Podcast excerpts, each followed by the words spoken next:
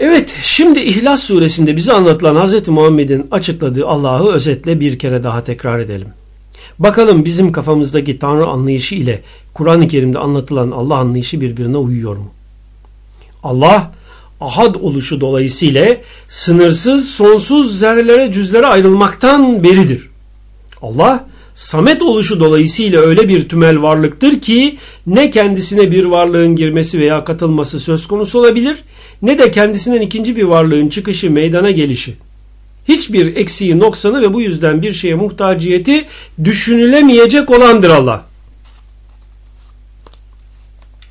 Allah lem yelit oluşu dolayısıyla kendisinden meydana gelecek ikinci bir varlığın mevcudiyetinden söz edilemez. Allah lem yulet olması dolayısıyla kendisinin meydana geldiği öne sürülecek ne bir tanrı ne de herhangi bir şey olarak ikinci bir varlık mevcut değildir.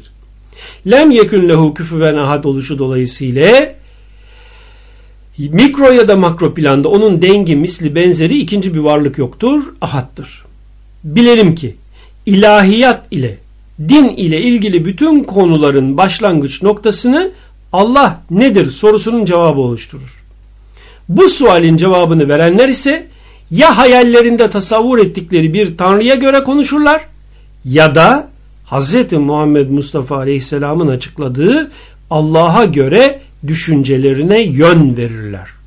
Biz Hz. Muhammed'in açıkladığı Allah'a göre bu konunun iç yüzünü göstermeye çalıştığımıza göre gene Hz. Muhammed Aleyhisselam tarafından yapılan tanımlamalar ile Allah'ı anlamaya çalışalım. Ki böylece Allah'ın bugüne kadar ve günümüzde sözü edilen Tanrı ile hiçbir benzerliği olmadığını vurgulayalım. Yukarıda anlatmaya çalıştığımız ahad olan Allah gene Hz. Muhammed Aleyhisselam tarafından bize ulaştırıldığına göre haydır, alimdir, müriddir, kadirdir, semidir, basirdir, kelimdir. Evet demek oluyor ki ahad olan Allah aynı zamanda yukarıdaki isimlerle işaret edilen vasıfların da sahibidir. Bir başka ifadeyle Allah ismiyle işaret edilen varlığın hay, alim, mürid, kadir, semi, basir, kelim gibi vasıfları vardır. Allah ahaddır gibi Allah haydır. Sınırsız, sonsuz, bölünmez, parçalanmaz, candır. Allah alimdir. Sınırsız, sonsuz, bölünmez, parçalanmaz, yekpare ilimdir. Allah mürittir. Boyutsal, sınırsız, sonsuz, cüzlere ayrılmaz, tek bir iradedir. Onun iradesi dışında bir irade mevcut değildir. Allah kadirdir. Sonsuz, sınırsız, bölünmez, cüzsüz tek bir kudrettir. Allah semidir. Sınırsız, sonsuz, bölünmez, cüzleri olmayan vukuftur. Allah basirdir. Sınırsız, sonsuz, cüzleri olmayan, bölünmeyen, mevcut tek değerlendiricidir. Allah kelimdir, sınırsız, sonsuz, bölünmez, sayısız manalardır.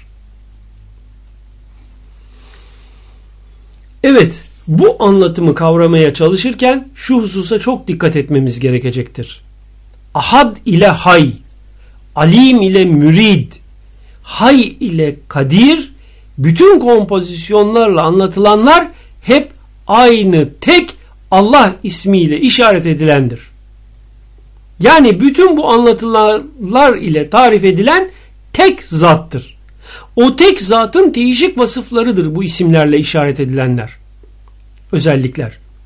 Öyle bir tek zat ki baş son gibi kavramlardan beri sınırsız sonsuz, bölünmesi cüzlerin var olması muhal, sayısız manalara sahip, sonsuz sınırsız cüzleri olmayan irade, sonsuz sınırsız cüzü olmayan kudret, varlığının dışında ikinci bir varlık düşünülemez, içi ve dışı yok, merkezi özü olmaktan münezzeh, kısacası ahattır, tektir. İşte öyle bir Allah'tır ki Hz. Muhammed'in açıkladığı Allah onun dışında ya da içinde kavramı olmaksızın bir ikincisi ya da ikinci bir varlık mevcut ikinci bir şey düşünülemez. Bu arada konuya vukufu olmayanların düşecekleri bir hatayı önleme amacıyla şu hususu da belirtmeden geçmeyelim. Kur'an-ı Kerim'de çeşitli yerlerde ilahımız, ilahınız gibi ifadeler geçmekte ancak akabinde de ilahın Allah olduğu vurgulanmaktadır. Peki bu duruma göre Allah'ın bir ilah yani Tanrı olduğu ileri sürülemez mi? Sürülemez.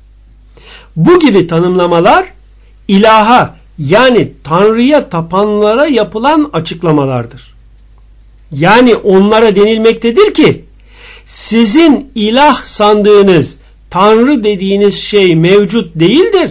Gerçekte var olan sadece Allah'tır.